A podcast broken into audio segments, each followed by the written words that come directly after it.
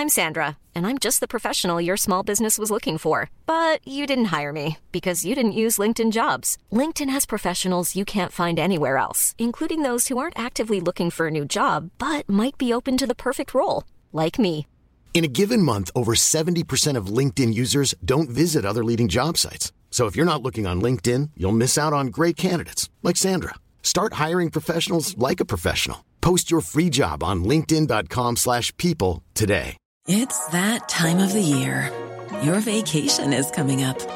You can already hear the beach waves, feel the warm breeze, relax and think about work.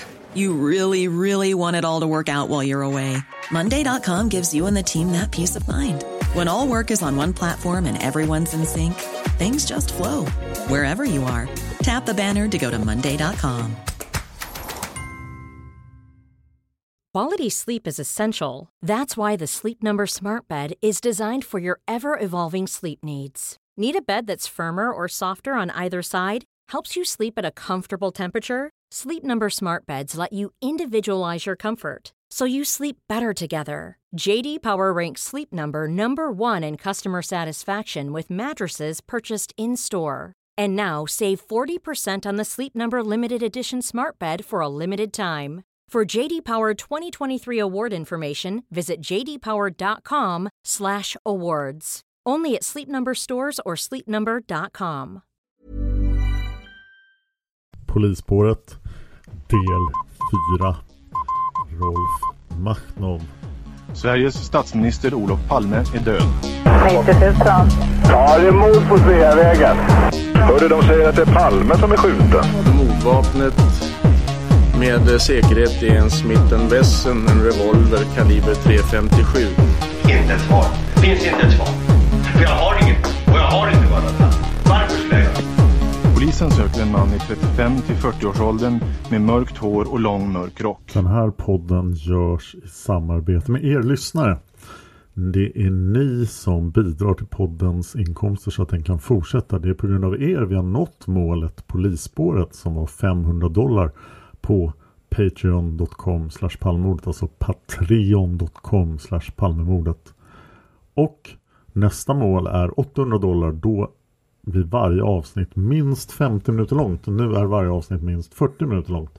Men då kommer det bli 50 minuter. Så om ni vill vara med och sponsra den här podden så är jag oerhört tacksam. Och det gör ni då med en, ja, en dollarsumma per avsnitt. En eller två dollar är ganska vanligt.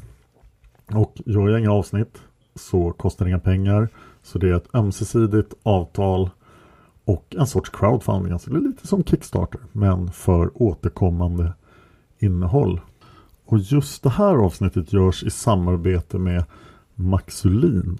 Maxulin är ett kosttillskott för män över 30 år som vill ha mer energi. Och om ni går till maxulin.se palme och köper Maxulin så är ni med i en tävling då. Ni har chans att vinna en resa till Stockholm med en Palmevandring den 16 december 2018. Så hör ni det efter det så kan ni ignorera det. Idag ska vi prata om ett annat dödsfall än Palmemordet. Vi ska prata om Palmemordet också. Men innan vi börjar så känner jag att det är väldigt, väldigt viktigt att påpeka att under hela polisspåret så finns det inga poliser idag som är misstänkta för Palmemordet. Alla misstankar har avskrivits och när det gäller då det här dödsfall vi ska prata om idag så har alla misstankar om brott avskrivits. Vi kommer att prata om polisman D och polisman E och jag kommer definitivt inte att namnge dem som, och ni kommer förstå varför i avsnittet.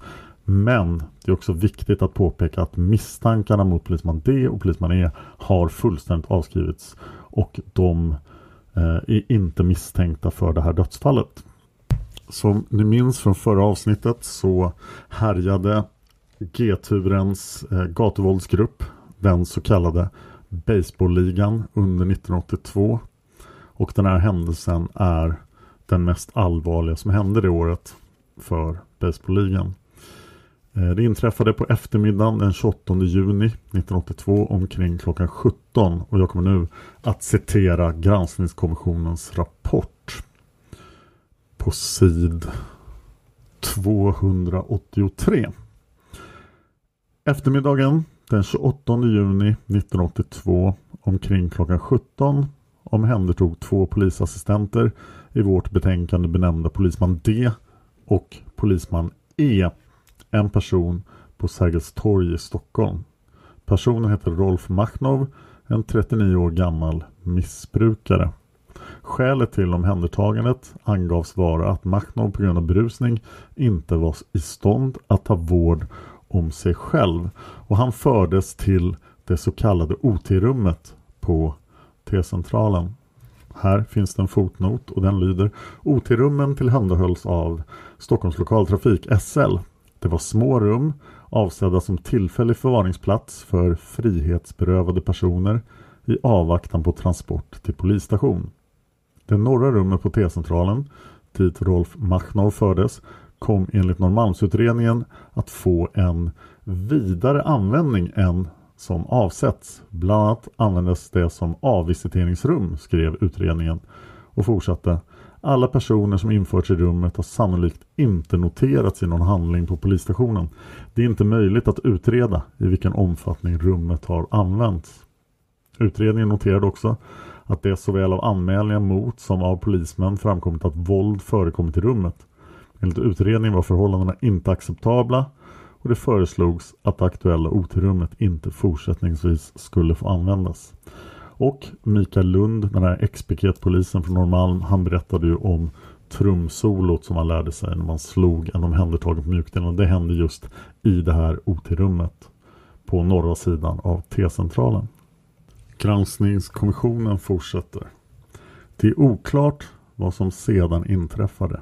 Men det, i det åklagarbeslut som avslutade polisutredningen hette det citat. Under vistelsen i OT-rummet blev Machnovs tillstånd sådan att sjukhusvård behöv, bedömdes vara påkallad.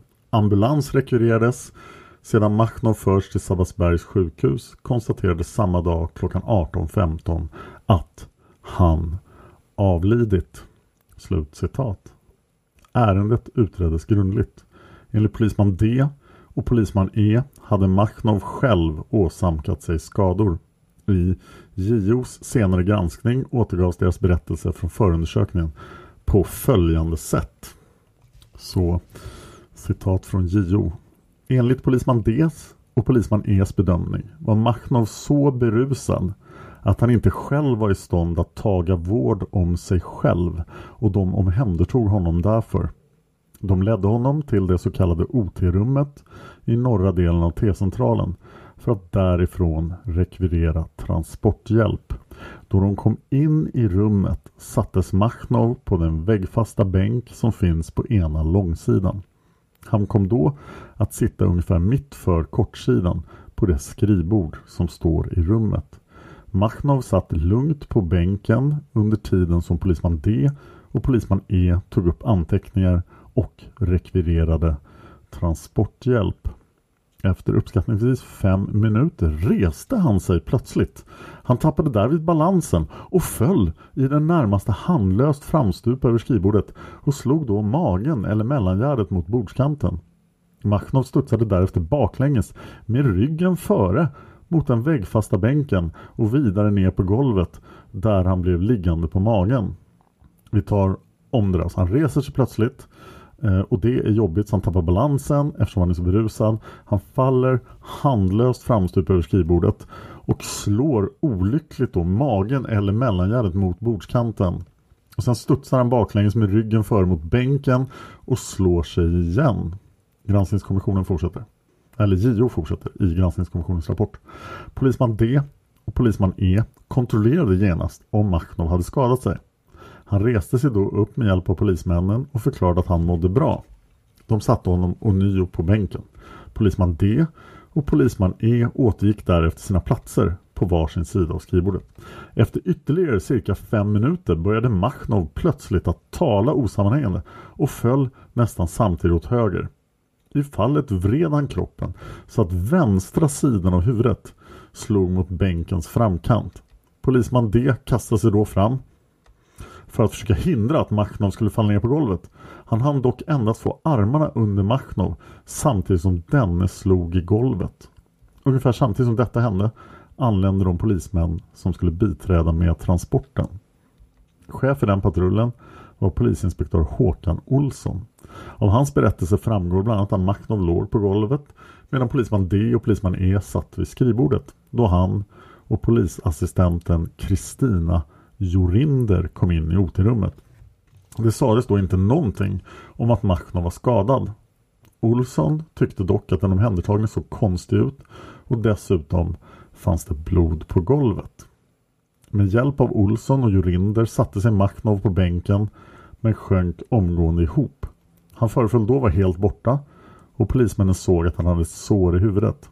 Olsson ringde efter ambulans och i väntan på den lades Machnov ner på golvet. Då ambulanspersonalen anlände visade Machnov svaga livstecken och man gav honom då luft och syrgas. Utöver den behandlingen satte ambulanspersonalen igång med hjärtkompression. Behandlingen fortsatte under transporten till Sabbatsbergs sjukhus dit han infördes klockan 17.55 och klockan 18.15 konstaterade en läkare att Machnov hade avlidit. Så långt JO. Eh, granskningskommissionen fortsätter. Chefsåklagaren Per Håkan Bondestam lade den 1 juli 1983 ner förundersökning mot polisman D och polisman E med motiveringen att det inte kunde styrkas att någon av dem förfarit brottsligt.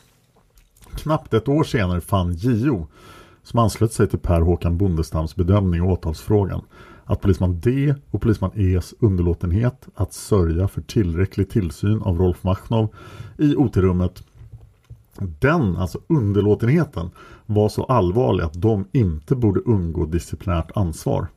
Han förde därför denna fråga till polisstyrelsen. Nu handlar det inte om våld utan handlar om att de borde ha ringt ambulans, de borde ha tagit hand om honom. Granskningskommissionen fortsätter. Polisstyrelsen handlade ärendet den 18 juni 1984. Föredragande var, håll i er nu, länspolismästaren Hans Holmer som yrkade att polisman D och polisman E inte skulle åläggas någon disciplinpåföljd, vilket också blev polisstyrelsens beslut. JO förde då frågan vidare till Arbetsdomstolen som i januari 1985 beslöt att inte ålägga polisman D och polisman E disciplinansvar. Domstolen ansåg att de inte hade visat det goda omdöme som kunde ha krävts av dem men att det fel de begått inte skulle föranleda någon disciplinpåföljd. Två ledamöter i Arbetsdomstolen var skiljaktiga och ansåg att disciplinpåföljd för tjänsteförseelse skulle utgå. JO uttalade även kritik i en del andra hänseenden. Han skrev bland annat följande. Utöver det redovisade finner jag det påkallat att något uppehålla mig vid ett yttrande som polisman D fällde vid ett förhör den 15 september 1983 i här aktuell utredning. På frågan från förhörsledaren om polisman D vill lyssna på den bandinspelning som gjorts vid förhöret svarade han följande. Nej, men jag skulle gärna skicka, vilja skicka en hälsning till JO och massmedia och be dem att inte trakassera oss så mycket. Med den hälsningen avses tydligen att JOs granskning av polisman Ds åtgärder eller brist på åtgärder i Machnov-ärendet skulle vara att anse som trakasserier. Jag, alltså JO, vill då erinra om att ombudsman enligt 21 paragrafen lagen 1975-1057 med instruktion för justitieombudsmännen ska verkställa de utredningsåtgärder som fordras för prövning av klagomål och andra ärenden. Klagomål i detta fall avsåg bland annat begäran om utredning av omständigheterna kring Rolf Machnovs död. Polisman Ds yttrande som fällts i anslutning till ett ärende av så allvarlig natur måste enligt min mening anses utomordentligt olämpligt, säger JO. Fallet Machnov blev även föremål för indirekt prövning i några tryck- och yttrandefrihetsmål. Det mest kända gällde Sveriges Television som sommaren 1984 sände ett program som bland annat belyste JO-institutionen. Fallet Machnov tjänade som exempel. I programmet som var direktsänt framträdde bland annat Rolf Machnovs syster Hon namngav polisman D och polisman E, vilket jag absolut inte tänker göra här, samt deras befäl och höll dem i praktiken ansvariga för broderns död. De tre polismännen, alltså polisman D, polisman E och deras befäl, anmälde tv-programmet till JK, alltså justitiekanslern, som väckte åtal för förtal avseende polisman D och polisman E. Åtalet bifölls. Det prövades i tre instanser och avslutades med dom i Högsta domstolen den 15 april 1987. Och en intressant fotnot här är att hovrättsförhandlingarna i det här förtalsmålet ägde rum dagen efter mordet. Och det var dessa förhandlingar som Lars Krantz besökte som ledde till att han identifierade polisman D i samband med buss 43 som ju vi ska återkomma till. Eh, domen då i Högsta domstolen löd som följer. Den ansvarige programutgivaren dömdes till 50 dagsböter. Polisman D och polisman E tilldömdes skadestånd om 25 000 kronor vardera. Machnov-ärendet har föranlett omfattande publicitet. Polisman D och polisman E har med eller utan namns nämnande gjorts ansvariga för Rolf Machnovs död. Såväl åklagaren som JO har efter ingående undersökningar konstaterat att det inte finns bevis som stöder den anklagelsen. Flera domstolar har i tryck- och yttrandefrihetsmål funnit att det mot den bakgrunden inte är försvarligt att med namns nämnande likväl upprepa anklagelsen. JO ansåg dock att polisman D och polisman E's bristande tillsyn av Rolf Machnov hade bort föranleda disciplinär påföljd. Det kan i viss mån ha gett stöd för misstanken om att allt inte hade gått rätt till vid omhändertagandet av Rolf Machnov. Ärendet innefattade långt fler turer än de som har relaterats här i granskningskommissionens rapport. I P3 Dokumentärs avsnitt om baseballligan finns det många intressanta detaljer i Machnov-fallet. Bland annat uttalar sig Rolfs syster om att Rolf var fri från droger. Han ägnade sig bara åt alkohol men han hade tidigare varit narkoman då. Så när hon fick reda på att eh, Rolf hade dött då trodde hon först att det var en överdos. Att han hade gått tillbaka.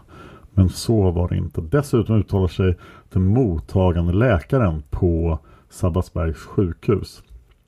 Och han hävdar i P3 Dokumentär att han och all annan personal var fullständigt övertygade när de såg Rolf Machnov att det här var en man som hade slagits ihjäl med våld. Det kom senare fram att Rolf Machnov hade en förstorad mjälte. Han hade alltså en tre gånger stor mjälte som normalt och det kan då leda till kraftiga blödningar som leder till döden då man får slag. Så slag mot den här mjälten kan resultera i mycket värre resultat. Och det skulle ju då kunna orsakas av, en, av ett olyckligt fall också. Obducenten hade förstås väldigt mycket att säga till i den här frågan. Han velar i Eh, sina beslut. I den första rapporten från obducenten så anser han att det här, de här skadorna orsakas av våld. Men med tiden ändrar han sig och till slut så säger han att det här var en typisk olycka. 2008 skrev Peter Birro en debattartikel i Aftonbladet. Eh, Aftonbladet påpekar speciellt att det är skribenten som står för åsikterna som förs fram i texten och inte Aftonbladet. Eh, Peter börjar sin artikel med Jag vill leva i ett land där även en narkoman betraktas som en människa. Rolf Machnov misshandlades till döds av två poliser. Det är alltså Peter Birro som säger och inte jag. De sa att han hade ramlat och slagit ihjäl sig mot ett skrivbord. Ingen brydde sig och rötäggen gick fria. Jag har aldrig kunnat glömma Rolf Machnov. Jag vill leva i ett land där även en narkoman betraktas som en människa och har rätt till den rättvisa och ömhet han är värd. Rolf har flera brutna reben, skallskador, blåmärken både fram och bak på hela kroppen. Han dör av inre blödningar för att hans mjälte spruckit som ett resultat av hårda slag. Mitt hjärta fylls av ömhet när jag tänker på Rolf Machnov. Jag har aldrig kunnat glömma honom. Jag har aldrig lyckats försona mig med tanken på att det som hände Rolf långsamt bara ska få försvinna in i glömskan. Som om hans liv inte var lika mycket värt som alla andras. Fortsätter lite senare. Rolf Machnov befann sig längst ner på botten. Han var en av alla dem som inte räknas. Ännu lite senare i artikeln. När tre civilklädda poliser den 28 juni 1982 fick syn på Rolf där han satt med sin bror vid fontänen på Sergels torg var det ingen människa de såg utan en jävla narkoman. Rolf var känd hos polisen som knarkare. De visste vem han var. För dem var Rolf bara ännu en av alla fladdriga missbrukare, knäppskallar och trasproletärer som kryper omkring på botten. Men botten är en plats i varje människa. Den finns i oss alla. Den ser bara annorlunda ut. Hoppa lite längre i artikeln. En del fastnar i ett missbruk som bara eskalerar. Många lyckas visserligen hålla upp en respektabel fasad utåt men börjar leva hemliga liv där ingen runt omkring har en aning om vad som pågår. Andra faller handlöst genom alla skyddsnät och slår i betongen på Sergels torg. Och det var där Rolf hamnade. Han trampade genom isen och blev en av de andra. Man tror väl aldrig att det ska hända en själv. Men plötsligt så är man bara där på andra sidan. Och man vet inte hur och när det hände. Men Rolf Machnov ville leva.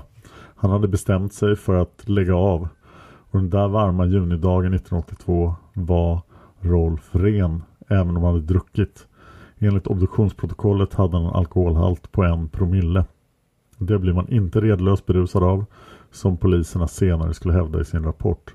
Men eftersom Rolf började käfta emot när de gick fram till honom för att kolla om han var påtänd bestämde sig två av poliserna för att ge pundaren en läxa. De drog med honom bort till OT-rummet inne på T-centralen. Det var ett slags väntrum på 3 gånger 2 meter där gripna personer förvarades.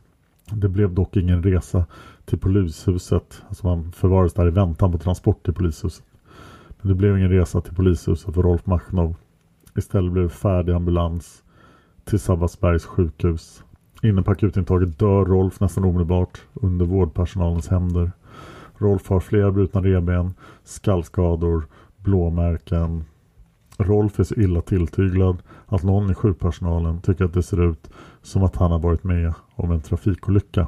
Alla är fullständigt övertygade, säger Peter Birro, om att Rolf har misshandlats till döds. Och Peter Birro fortsätter.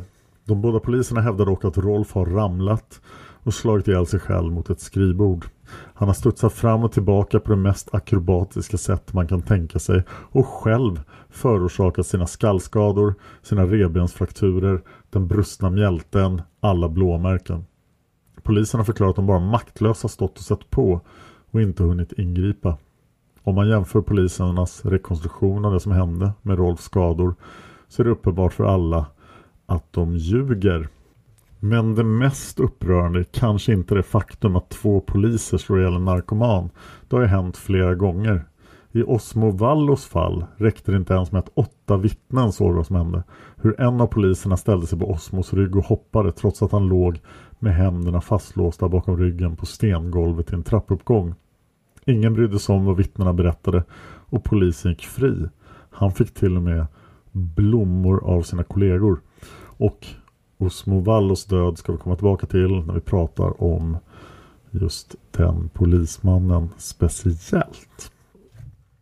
Peter är inte klar. Han är upprörd över att de ansvariga myndigheterna i de här fallen gör sitt bästa för att skydda rötäggen och sopa allt under mattan. Och de gör det inte för att de är onda eller smittade av den högerextrema kåranda som var utbredd inom Stockholmspolisen under större delen av 80-talet. Rättsläkare, obducenter, JO, alla väljer att blunda för sanningen därför att Rolf inte är en människa som alla andra. Han är bara en narkoman utan någon som helst betydelse. Varför dra vanära över en hel poliskår där majoriteten gör ett fantastiskt arbete och väcka skandal för en gammal knarkares skull? Peter Birro avslutar artikeln med Jag har hört att det kinesiska uttrycket för upprättelse lyder Berätta om det som har hänt för fem familjer. Och det är det jag har gjort nu. Och jag har nu hjälpt Peter berätta det vidare. Jag har berättat om det som har hänt för att minnet av Rolf inte ska få falla i glömska.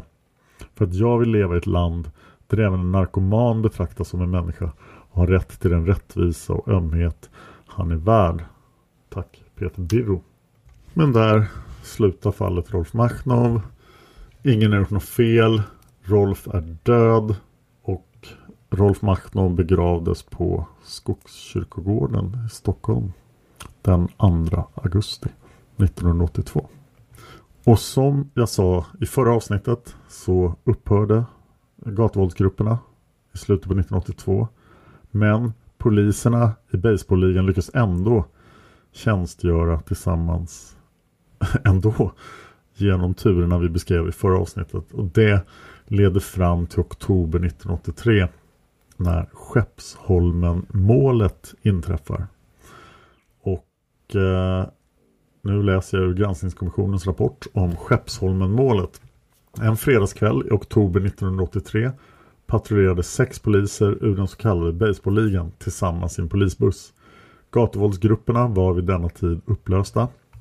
Poliserna tjänstgjorde istället som områdespoliser och skulle därvid patrullera två och två.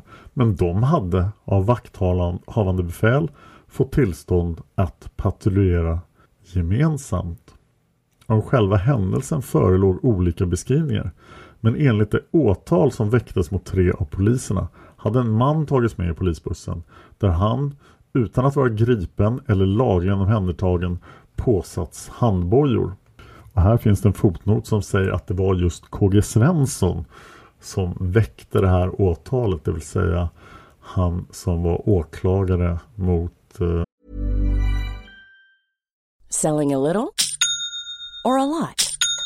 Shopify helps you do your thing however you cha-ching. Shopify is the global commerce platform that helps you sell at every stage of your business. From the launch your online shop stage to the first real life store stage, all the way to the did we just hit a million orders stage. Shopify is there to help you grow. Shopify helps you turn browsers into buyers with the internet's best converting checkout. 36% better on average compared to other leading commerce platforms because businesses that grow grow with Shopify. Get a $1 per month trial period at Shopify.com slash work. Shopify.com slash work. Mother's Day is around the corner. Find the perfect gift for the mom in your life with a stunning piece of jewelry from Blue Nile. From timeless pearls to dazzling gemstones, Blue Nile has something she'll adore. Need it fast? Most items can ship overnight. Plus, enjoy guaranteed free shipping and returns. Don't miss our special Mother's Day deals. Save big on the season's most beautiful trends. For a limited time, get up to 50% off by going to Bluenile.com. That's Bluenile.com. Quality sleep is essential. That's why the Sleep Number Smart Bed is designed for your ever evolving sleep needs. Need a bed that's firmer or softer on either side? Helps you sleep at a comfortable temperature? Sleep Number Smart Beds let you individualize your comfort so you sleep better together. JD Power ranks Sleep Number number 1 in customer satisfaction with mattresses purchased in-store. And now save 40% on the Sleep Number limited edition Smart Bed for a limited time. For JD Power 2023 award information, visit jdpower.com/awards. Only at Sleep Number stores or sleepnumber.com. Viktor Gunnarsson. Eh, granskningskommissionen fortsätter. Mannen transporterades sedan till en plats längst ut på Skeppsholmen där han lämnades. Mannen hävdade att han misshandlades under färden vilket poliserna samstämmigt bestred. Och i P3 Dokumentärs Baseballligan så intervjuar den här mannen och han beskriver misshandeln han fick utstå. Eh, Sådana grisar som du ligger på golvet och liknande. Han har fått fötter i ryggen och allt. Ja, lyssna på, på det avsnittet. Eh, granskningskommissionen fortsätter. Enligt poliserna hade han fått sitta på golvet i bussen och handbojor hade inte använts.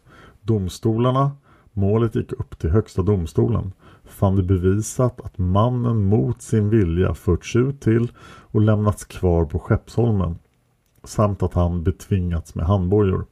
Den polisman som ansågs ha varit den som de facto förde befäl och den polisman som körde bussen dömdes till vardera hundra dagsböter för olaga tvång. Även polisman D var med i den här bussen och han var åtalad för att ha varit den som satte på handfängslet. Åtalen i den delen ogillades. I påföljdsfrågan skrev tingsrätten, vars påföljdsbestämning varken hovrätten eller högsta domstolen fann anledning att frångå, att mannen hade utsatts för ett svårartat övergrepp som kunde vara ägnat att undergräva allmänhetens förtroende för polisen. Övervägandet av det slaget kunde tala för att fängelsestraff borde utdömas, skrev tingsrätten. Men fortsatte. Citat tingsrätten. Tingsrätten anser sig emellertid böra ta hänsyn till att befälet och föraren tjänstgjort inom ett vaktdistrikt där polismännen är utsatta för särskilt svåra påfrestningar i sin tjänst. Vidare beaktar tingsrätten att befälet och föraren enligt vad som framkommit av polisinspektören Erikssons vittnesmål utfört ett energiskt och framgångsrikt arbete som områdespoliser. Ett kraftigt bötesstraff får anses utgöra tillräcklig påföljd. Så notera här då att de här befälet och föraren är ingen av poliserna som vi kommer namnge eller ge en bokstavsbeteckning i de här avsnitten om polisspåret. De är alltså inte aktuella i mordet på Olof Palme överhuvudtaget. Granskningskommissionen fortsätter. Värt att notera är, förutom själva gärningen, att domstolarna alltså fann att de ifrågavarande poliserna farit med osanning såväl när det gäller användning av handbojor som skälet till att mannen en sen fredagskväll släpptes av på en mörk och enslig plats långt från det ställe där han anträffats.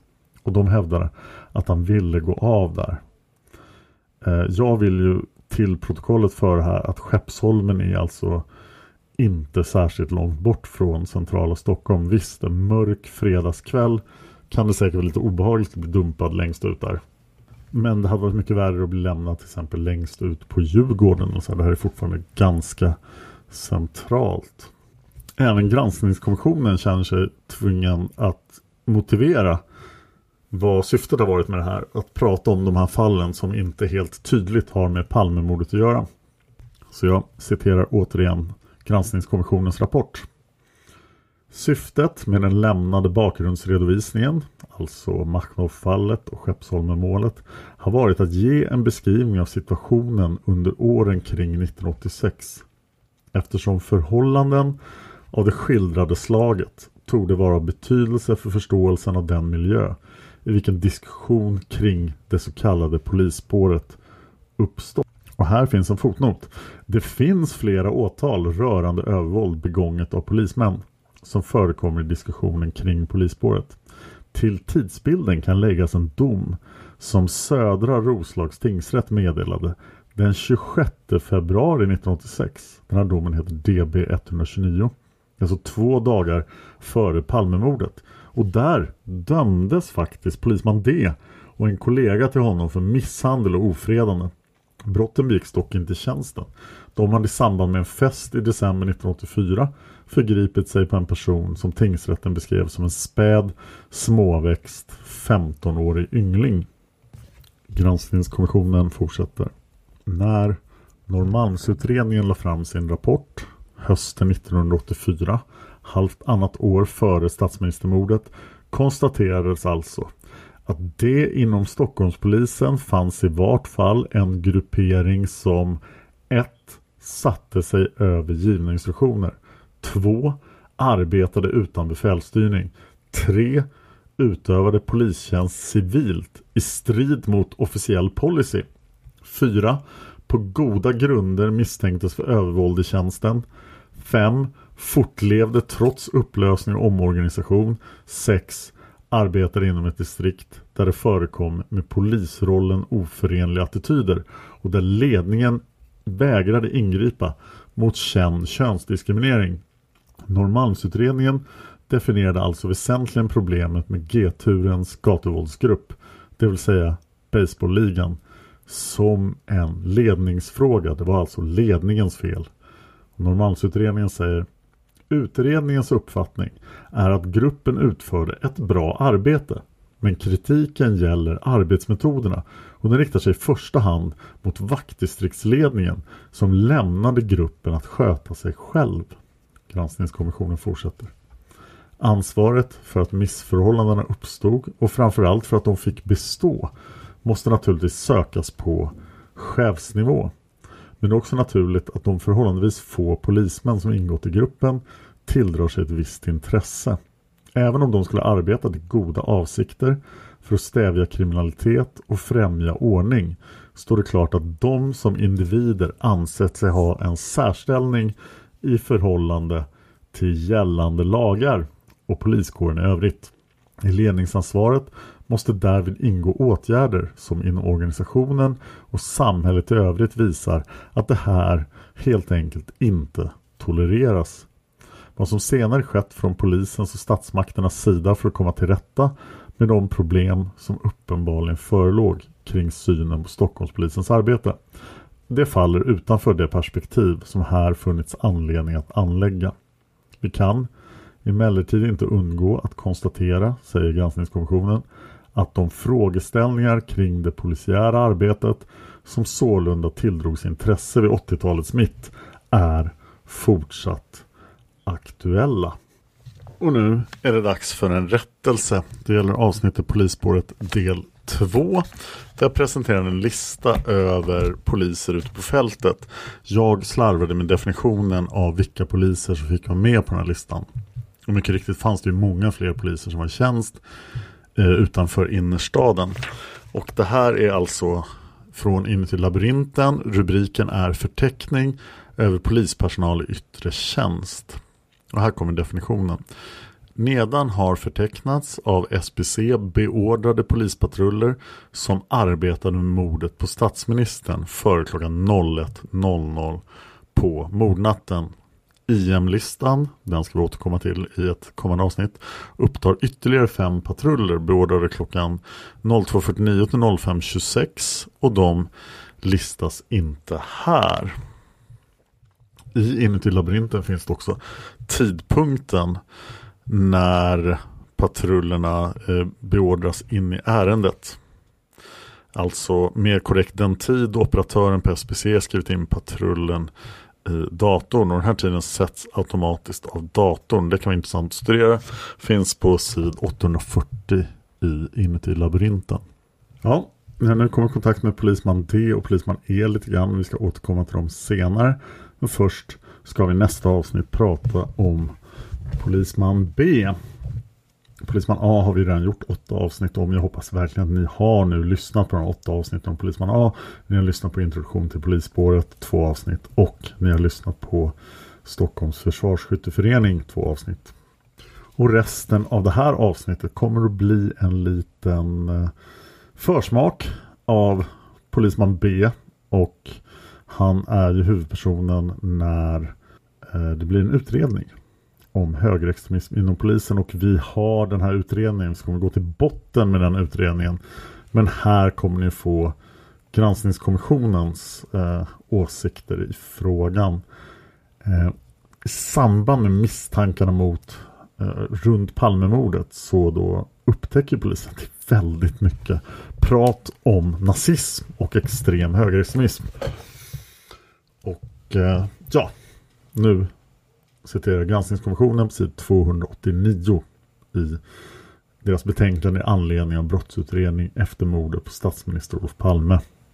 Frågan om det förekommer högerextremism inom polisen har dykt upp då och då, såväl inom polisen som i den allmänna debatten. Intresset för saken kulminerade i den diskussion kring polisspåret som uppkom i utredningen av statsministermordet. Det ledde till att Stockholms polisstyrelse beslöt tillsätta en arbetsgrupp för att utreda sanningshalten bakom uppgiften om extremism. Beslutet fattades den 30 mars 1987. Det vill säga relativt kort efter att Hans Holmers spaningsledning brutit samman och denne lämnat utredningen och i praktiken även arbetet som länspolismästare. Utredningen inriktades särskilt mot Norrmalms vaktdistrikt VD1. Händelser under arbetets gång ledde till att arbetsgruppen även inriktade sin granskning på om det förekommit otillbörliga kontakter mellan svensk och sydafrikansk polis och på frågan om påstådd inblandning av Stockholmspolisen i Palmemordet, det vill säga polisspåret. I den senare delen kom granskningen dock att bli helt översiktlig och det ska vi återkomma till senare. Gruppen bestod av Karl Cederschiöld, ordförande i polisstyrelsen. Roland Örn, vice ordförande i polisstyrelsen. Gösta Villander, biträdande länspolismästare och Gösta Villander kommer att förekomma flera gånger i den här podden. I gruppen fanns också Kai Jonsson ordförande i Stockholmsavdelningen av Svenska Polisförbundet och från mitten av september 1987 Sven-Åke Hjälmroth, tillträdande länspolismästare. Arbetsgruppen la fram sin rapport i januari 1988 då den antogs av polisstyrelsen i plenum. Och sen fortsätter granskningskommissionen med en översikt över Stockholms polisstyrelses utredning. Polisstyrelsens rapport redovisar en relativt bred utredning. Uppgifter om följande företeelser eller påstådda företeelser belystes. 1. Polismän som under 1969 och 1970 på fritiden lyssnat på marschmusik och inspelade tal av Hitler med flera. 2. Polismän som under 1970-talet spelat marschmusik i en piketbuss. 3.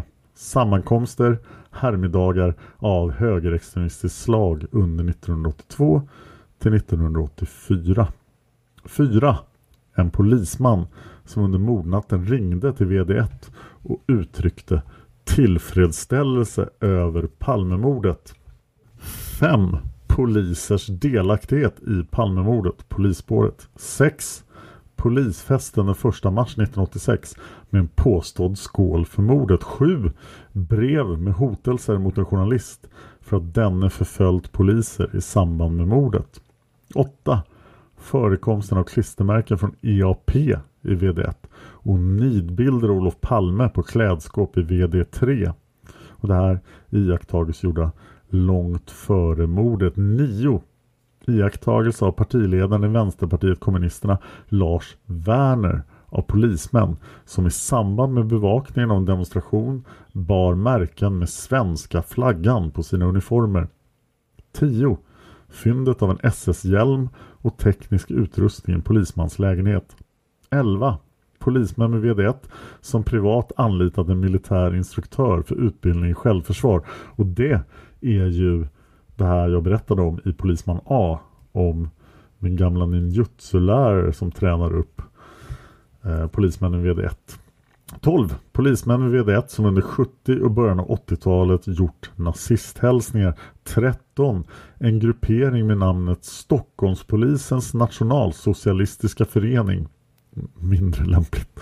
14. En polisman som innehade skivor med nazistiska marscher och tal av Hitler med flera. 15. En polisman som ska iakttagits via tv då han deltog i en demonstration anordnad av en extrem högerorganisation. Och till sist sex polisers enskilda resor till Sydafrika. Och här finns en fotnot. Den säger utöver det som här upptagits belyste utredningen uppgifter om en polisman som på sin fritid velat kvittera ut en god vän som gripits efter ett bråk mellan skinheads och invandrare samt denne polismans beteende på Operabaren i Stockholm där den påstods ha uppvisats en svensk flagga med hakors fästad på kavajslagets undersida. Och det här är förstås polisman C. Så vi ska prata mer om honom senare. Granskningskommissionen fortsätter. Av intresse för den bakgrundsskildring som detta avsnitt utgör är de företeelser som ligger tiden före mordet och de som mer allmänt belyser frågan om eventuell högerextremism. Utredningens resultat beträffande själva polisspåret och dit hörande frågor redovisas i respektive sammanhang. Av de undersökta företeelserna kan med ledning av det material polisstyrelsens utredningsgrupp fick fram åtskilliga betraktas som mindre intressanta som underlag för en bedömning. Den polisman som på 60-talet arrangerade privata sammankomster där man lyssnade på marschmusik med mera flyttade från Stockholmspolisen den 1 januari 1970. Personalen hade sedan dess omsatts flera gånger. Det torde vid tidpunkten inte ha funnits någon kvar på VD1 av de som kan ha deltagit i de här första sammankomsterna 69-70. Sammantaget hade dessa uppgifter alltså inte tillräcklig substans för att ligga till grund för någon bedömning av eventuell högerextremism inom polisen vid den tid då undersökningen gjordes. Uppgiften att det spelats marschmusik i en piketbuss undersökte bland annat genom att en polisman som i ett radioprogram 1983 uppgivit att han hade spelat Björne Borgarnas marsch hördes av utredningsgruppen. Även tidigare och nuvarande vaktchef hördes. Det kom fram att polismännen ofta tog med sig egna band till polisfordon för att lyssna på när tjänsten så tillät. Detta var vanligt när det var tyst i etern, företrädesvis nattetid. Alla typer av musik kunde förekomma, dock aldrig några marscher som kunde associeras till extrema politiska uppfattningar, uppgav polisen. Den ifrågavarande polismannen tillbakavisade uppgifter som förekom i ärendet, eh, till exempel att han skulle ha extrema uppfattningar. Han hade för 15 år sedan, det vill säga på tidigt 70-tal, varit medlem i Demokratisk Allians och de kommer ni ihåg från Svensk extremhögeravsnitten. Granskningskommissionen säger en organisation som man dock inte ansåg att den kunde betraktas som extrem om man såg till dess stadga, syfte eller fattade beslut.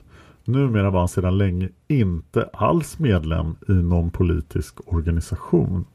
Iakttagelsen om klistermärken från EAP och nidbilder på Olof Palme från VD1 respektive VD3 hade gjorts av en ledamot av polisstyrelsen långt före mordet. Utrymmena i fråga besiktigades utredningsgruppen varvid det konstaterades att där numera inte fanns några märken. Lars Werners iakttagelse ledde till att polisledningen erinrade vaktdistriktscheferna om förbudet att bära bland annat svensk flagga på uniformen. Att det skulle ha förekommit nazisthälsningar på VD1 gick inte att belägga. Den som tillskrivits uppgifterna, en polisman som framträtt i media, uppgav för utredningsgruppen att han hade blivit felciterad när, hans, när det sagts att hans iakttagelse gällde 80-talet. Han hade bara uttalat sig om gamla händelser från 70-talet. Gruppen gjorde ytterligare efterforskningar och ansåg sig kunna konstatera att det inte förekom någon jargong eller attityd som kunde yttra sig i nazisthälsningar men ville inte utesluta att det vid vissa tillfällen kan ha förekommit enskilda överdrifter. Polisstyrelsen fann ändå skäl att ta uppgifterna på allvar och förde resonemang kring behovet av en fungerande yrkesetisk utbildning. Polismän sluta heila. Steg 1 i utbildningen. Existensen av någon organisation inom polisen med namnet Stockholms nationalsocialistiska förening fann utredningsgruppen inte några tecken på trots betydande ansträngningar. Man höll det för utomordentligt osannolikt att en organiserad grupp av detta slag skulle finnas. På denna punkt syntes utredningen alltså gett ett närmast entydigt svar. Den polisman som hade utpekats som initiativtagare till föreningen till lika innehavare av nazistiska grammofonskivor av olika slag förhördes av gruppen, liksom vederbörandes chef. Polismannen ställde sig helt frågande till uppgifterna även om han angav en tänkbar förklaring till hur uppgifterna kunnat komma i cirkulation. Hans chef gav honom ypperliga vitsord och han sa citat en av de bästa polismännen i distriktet med ett gott omdöme och bra uppträdande. Slut citat. Och sen var det då den här SS-hjälmen. Och den ska vi komma tillbaka till. Men vi ska prata lite om det här också. Det är polisman E som har råkat i trubbel igen. Och där, eh, granskningskommissionen säger det har utretts inom ramen för förundersökningen. Polisstyrelsens utredningsgrupp klarlade genom vissa efterforskningar att Valön den plats där polismannen, säger, polismannen säger sig ha bärgat hjälmen förvärvades av föreningen Kamraterna 1955. Det är väldigt oklart vad den föreningen gör. Föreningen fann då olika föremål med nazistemblem. Föremålen ska dock ha samlats in och förstörts. Polisstyrelsen ansåg att detta förhållande fick polismannens förklaring till hur han kommit i besittning av hjälmen att framstå som än mer sannolik. I det bakgrundsmaterial som polisstyrelsens utredningsgrupp efterlämnat och som kommissionen tagit del av finns anteckningar av biträdande länspolismästare Gösta Villander från en föredragning av Säkerhetspolisens dåvarande chef Sven-Åke Hjälmroth i maj 1987. Av anteckningarna framgår att Säkerhetspolisen från 1970 fått återkommande, men inte särskilt frekventa, uppgifter om högerextremism som tydligen noterats. I februari 1979 synes Säkerhetspolisen ha tagit kontakt med Stockholmspolisen. Därvid nämndes inga namn. Informationen avsåg, för, avsåg företeelser som sådana. Till exempel att marschmusik spelades i en piketbuss och att Hitlerhälsning förekom. Anteckningarna innehåller vissa upplysningar om de så kallade härmiddagarna som vi ska prata om i nästa avsnitt. Och om att såväl justitieministrarna Ove Reiner och Sten Wickbom och statsminister Olof Palme hade informerats om dessa möten. Efter 1984 ska det dock inte ha kommit några indikationer på högerextremism till, inom polisen till Säkerhetspolisen.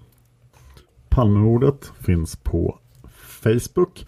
Där får ni hemskt gärna gå in och prata med mig och Tobias. Det är vi som kollar och svarar på kommentarer på sidan.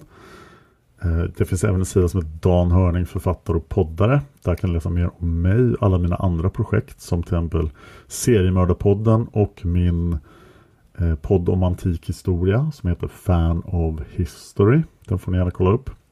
Palmemordet finns också på Youtube.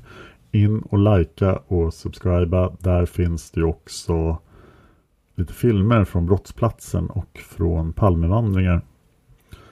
Den här podden sponsras fortfarande av Nextory. Om ni går in på nextory.se kampanjkod och skriver koden PALME så får ni 30 dagars gratis tillgång till ljudböcker och e-böcker.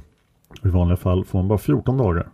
Men ni måste göra det här med en e-mailadress som inte tidigare har registrerat sig på Nextory. Jag vill tacka alla som sponsrar Palmemordet på patreon.com palmemordet. Om ni tycker det är superkomplicerat så kan ni även sponsra mig via Swish. Skicka då ett meddelande på Facebook så svarar jag med ett nummer.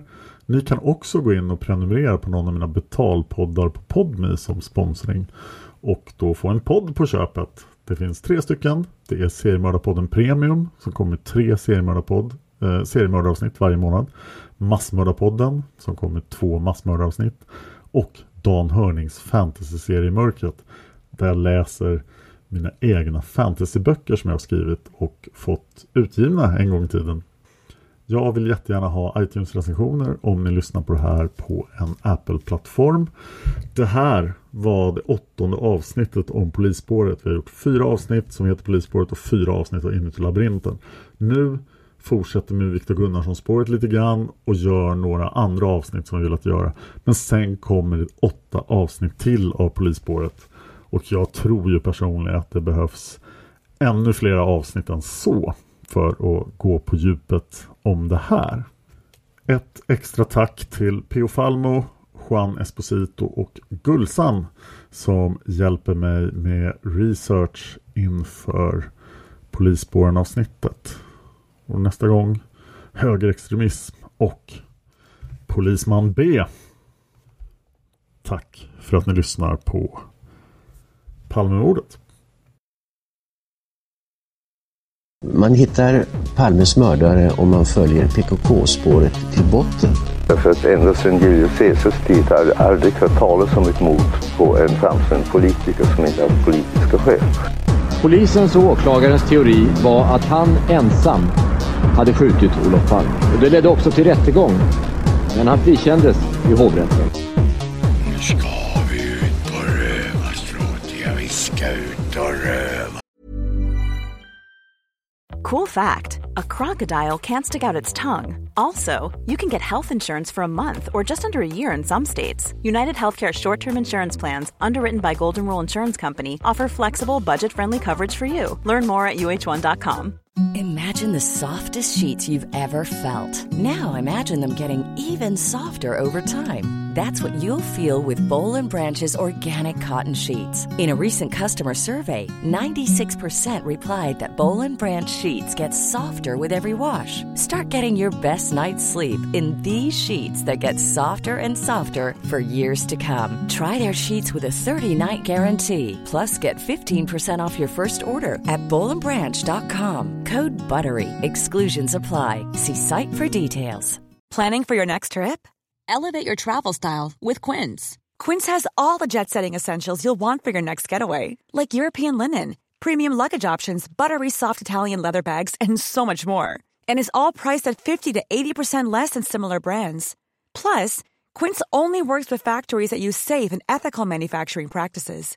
Pack your bags with high-quality essentials you'll be wearing for vacations to come with Quince. Go to quince.com slash pack for free shipping and 365-day returns.